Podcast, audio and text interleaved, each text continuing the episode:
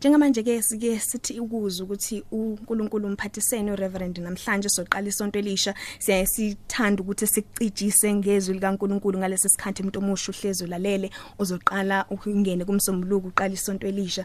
Eyasike sizwe ukuthi uNkulunkulu umphathisene umama namhlanje. Siyabonga kakhulu Boniswa nabalaleli sisakhona. Ngiyafisa namhlanje Boniswa ukangiqinise ngikhuthaze umlaleli ekhaya. Ngezwi lenkosi elitholakala encwadini yesibili yamakhosi eh, isahluko sesine. Ngizofunda nje ivesi lika 8 mhlambe mase sikhuluma ngale ngale ngale ncwadi. Ithi kwathi ngelinye ilanga uElisha wadlulela eShunemi lapho kwakukhona wesifazane ocebile wamcindezela ukuba adle sinkwa. Kwakuthi njalo nxa ezu edlula waphambukela khona ukuba adle. Boniswa nabalaleli la sithola indaba ekhuluma ngowesifazane. Igama ke lomuntu wesifazane eBhayibhelini kakhulu eh alikhulunywa alishiwo bambalwa nje abantu besifazane ababizwa ngamagama. So lo wesifazane akabizwa ngegama asilazi igama lakhe abizwa ngalo kodwa into abizwa ngayo noma into esichazela ngayo kunezinto ezimbalwa ezibalekile esichazelwa ngayo lo wesifazane waseshunem. iBhayibheli kokuqala lithi lo wesifazane waseshunem wayecebile. Mhlambe ke boniswa abantu asibakhumbuza abalalele ekhaya ukuthi umuntu wesifazane ine Old Testament Old Testament period wayenganayo into engabizwa ngegama lakhe kuthiwa eyakhe. Ingakho into umuntu wesifazane ukuthi noma kushona umyeni kubaluleke ukuthi abe nengane yomfana ukuze ingane yomfana ikwazi ukuholda surety yezinto zabo abanazo njengekhaya. Uma engekho ingane yomfana then izinto zayithatha kodwa lithi izilenkosi lo wesifazane iidentity yakhe esinikwa nayo okokuqala kuthiwa lo wesifazane wayecebile kakhulu. So ngamanye amazwi kwakunowesifazane boniswa owayemillionaire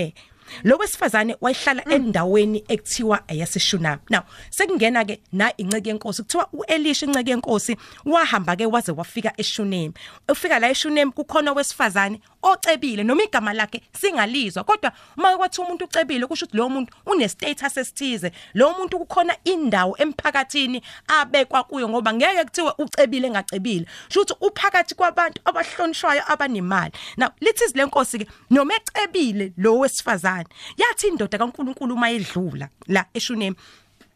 Wayicindezela kokuqala she was hospitable wabanikeza isinkwa wathi abangene badle isinkwa. Mase sebezidlile isinkwa wathi abalale la ekhaya. Ngamanye amazwi she understood ngamanye amazwi waye waye bamkela izinceku zikaNkuluNkulu wayezamkela izinceku zaNkuluNkulu ezihlalisa eacknowledge ukuthi ugcobo lwabo uyayidinga empilweni yakhe. Now lithi izilenkosi ke uma ufunda uqhubeka naleli lizwi lithi lo wesifazane noma wayecebile noma wayekwazi ukwamkela ihamba ingenise ekhaya lakhe kodwa lo wesifazane bathi mabebheka boniswa akacelanga lo wesifazane kuba kube khona into abamenzela yona indoda kaNkuluNkulu nalabo ehamba nabo. Lithi bathi mabebheka sebefikile ngoba kuthiwa njalo base befika uElisha nabantu bakhe bangene bahlale emzini walo wesifazane. Lithi izilenkosi wayesakhelwe ngisho ikamelo eliphezulu. Now siyazi ikamelo eliphezulu ukuthi hela abantu abahloniphekile. Ngamanye amazwi lo wesifazane wayazi indawo kaNkuluNkulu ukuthi indawo kaNkuluNkulu kufanele ithathe indawo ephakeme empilweni yomuntu.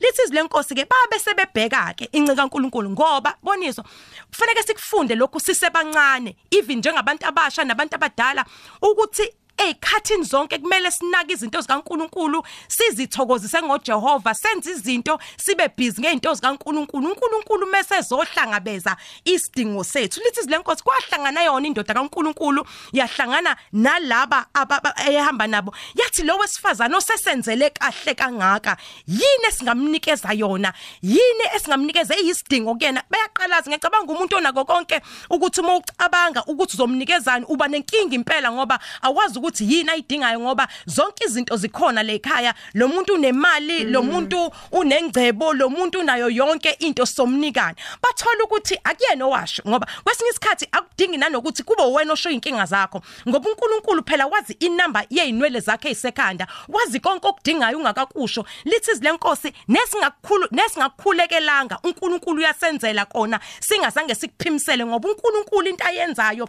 unikeza isidingo senhliziyo yethu. Hayi ekufunwa yithina nenhliziyo yethu.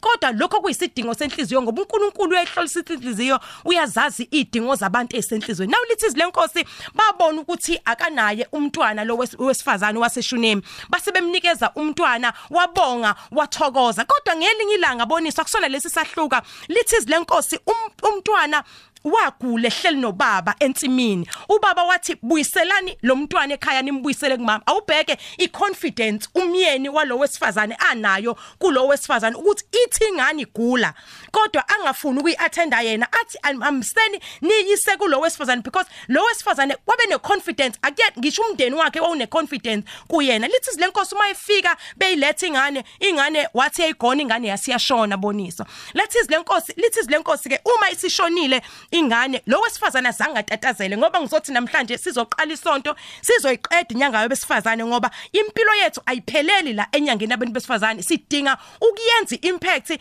enyangeni abesifazane nangenyanga elandelayo nangenyanga edlule. Lithi izilenkosi azange atatazele lo wesifazane wathatha ingane leli kamelo eliphezulu kade lakhile wathatha ingane wa understand ukuthi kuhlala uNkulunkulu kuleli kamelo eliphezulu ngoba kungena inceke zakhe kulona. So wathatha ingane wayoyibeka ekamelweni eliphezulu lo wesifazane wase yaphuthuma wayofuna wayofuna inceke kaNkulunkulu ngoba lengane kuleli khaya ngenxa yenceke kaNkulunkulu noma ngenxa kaNkulunkulu. Ngoba kubalekile kakhulu mlalele ekhaya ukuthi wazi izinto onazo ukuthi uyithathephi ngoba zizothi noma sezingasahambi ngendlela wena ofisa ihambe ngayo mase uyibuyisela kulo oyinike ukunikeze zona ngoba uma unganasiqiniseko sokuthi zivelaphi lezi zinto onazo awuzukwazi ukuthi noma sezingasahambi noma sengasahambi ngendlela wena ofisa kuhambe ngayo awuzukwazi ukuthi uyibuyisela kuthiwa lo wesifazane wavana angikaze ngimbone umuntu ongatatazeli kanje wavana wathatha ingane wayoyibeka la kuhlala khona uNkulunkulu wathi wena uNkulunkulu uzodila nalesi simo ngendlela ozodila naso.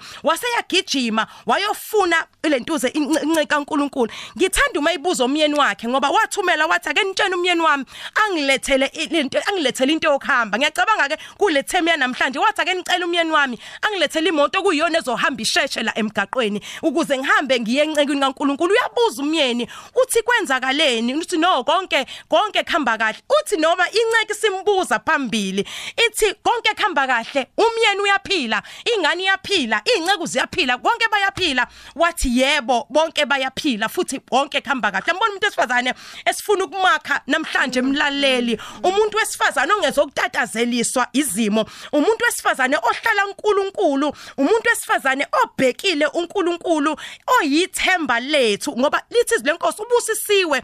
Umuntu othemba kuNkulunkulu nothemba lakhe kuNkulunkulu. Lo muntu uyothi izinto eshiya ingane ifile ekameleni eliphezulu athi yonke into ihamba kahle ihamba kahle kanjani into? Umuntu eshiye ingane efile ekameleni eliphezulu uthi uqamba ubeka indaba yakhe akekho umuntu otatazelayo ngoba kusethe yonke into ihamba kahle. So angisazi isimo obhekene naso mlalele ekhaya. Kodwa namhlanje nje ngiyafuna ukuthi ke ulingise lo wesifazane kuyinyanga yabesifazane. Ulingise lo wesifazane waseshunemi elithi izwi lenkosi wayinegama ubungebe yini nawe? Negama eliqondene nawe. Ubungeke yini negama? Noma ngaba zikho izinto eziphathekayo nazo bengeshiwo yini uthi kwakhona owesifazane onokukholo oqinile kwakhona owesifazane onenhliziyo emnene kwakhona owesifazane ohamba kahle phambi kwaNkuluNkulu wayekhona owesifazane bungezenzele yini igama? Okwesibili mlalele ekhaya ubungeke yini uke uyibuka izimo eziphezulu kwakho? Uyithathe nje uyise phezulu.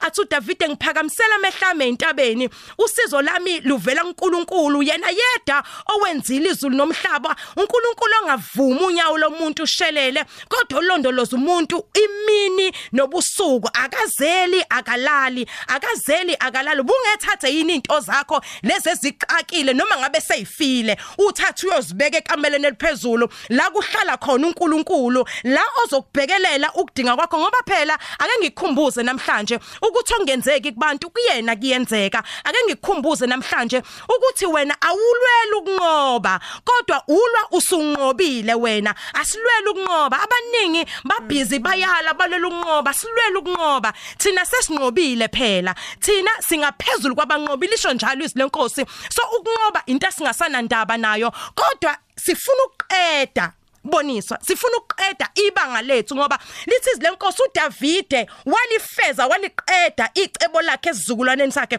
so sithi uNkulunkulu akakaphakamisa abantu besifazane abazofeza icebo. Alizofezwa kalula icebo likaNkulunkulu lizofezwa ukuthi uke uhlale uthule ubheke yena omqalisi nomphelelisi ngoba ingane lo yomuntu wesifazane ayizange izife. Ngoba kwafanele kakhumbuza umprofeti uthi wemprofeti awukhumule ukuthi angicelanga ingane mina mprofeti kodwa yini nanginikeza umntwana. Ngakho mina ngazi ukuthi izinto ezivele ezulwini azifi ngazi ukuthi izinto ezivele ezulwini zinokuphila okuphakade. Ngazi ukuthi izinto ezivele ezulwini ayiqedwa ngoba izinto ezivela kuNkulunkulu zipermanent. Izinto ezivela kuNkulunkulu they are not temporal. Umuntu omusha ubungela linde yini ezivela kuNkulunkulu? Ngoba ezivela kuNkulunkulu noma ngabukeka sengathi ziyacikisa ayicikizi ngoba okuzelo uNkulunkulu kuyalinqoba izwe lokho kuyinqobo enqoba izwe. Ngizokukhuthaza namhlanje mlaleli ngizokukhuthaza umuntu wesilisa ngizokukhuthaza wesifazane. Kodwa ngizokukhuthaza nomusha namhlanje ukuthi ubungethatha yini izinto zakho uzibeke kusimakade ngoba yena usimakade uyena ozokugcinela kuphathele kahle izinto zakho. Noma ngabe sifile umntwana kodwa ukwazi ukukhuluma uthi nje konke kuhamba kahle ukwazi ukumemezela uthi uNkulunkulu uyaphila uthi uNkulunkulu uphila kubonakala sengathi izimo zakho ayiphili. Kodwa umveze uNkulunkulu ephila ngoba uyaphila uNkulunkulu wethu bazalwane uNkulunkulu wethu ungamandla ethu. Ufundisa izandla zethu ukulwa ufundisa wenza amaqakala ethu aqine. Wenza uNkulunkulu wethu ukuthi sibe njengendluzelakazi zihambe eindaweni eziphakeme ngingememezele yini namhlanje ukuthi leso simo sakho bese sifa? Azifi izinto ezivela kuNkulunkulu azifi izinto zase altar ziyaphila izinto zase altar ngoba izinto zase altar zivela kuNkulunkulu. Yena owenzile izulu nomhlaba yena owazi konke yena ovusa nokufileyo yena ongahambi nanesikhathi sabantu. Abantu basemhlabeni bahamba ngesikhathi ichronos kodwa uNkulunkulu yena uhamba ngesikhathi esingafani nesikhathi sabantu.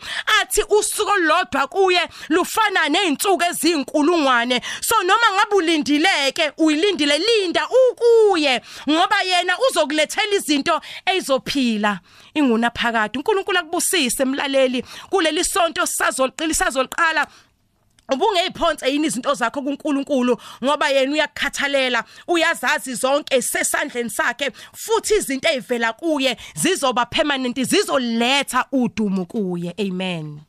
Ake ngithandaze nawe mlaleli ekhaya namhlanje ebusuku. Ake ngithandaze nawe namhlanje mhlambe uvana uthatha isimo sakho.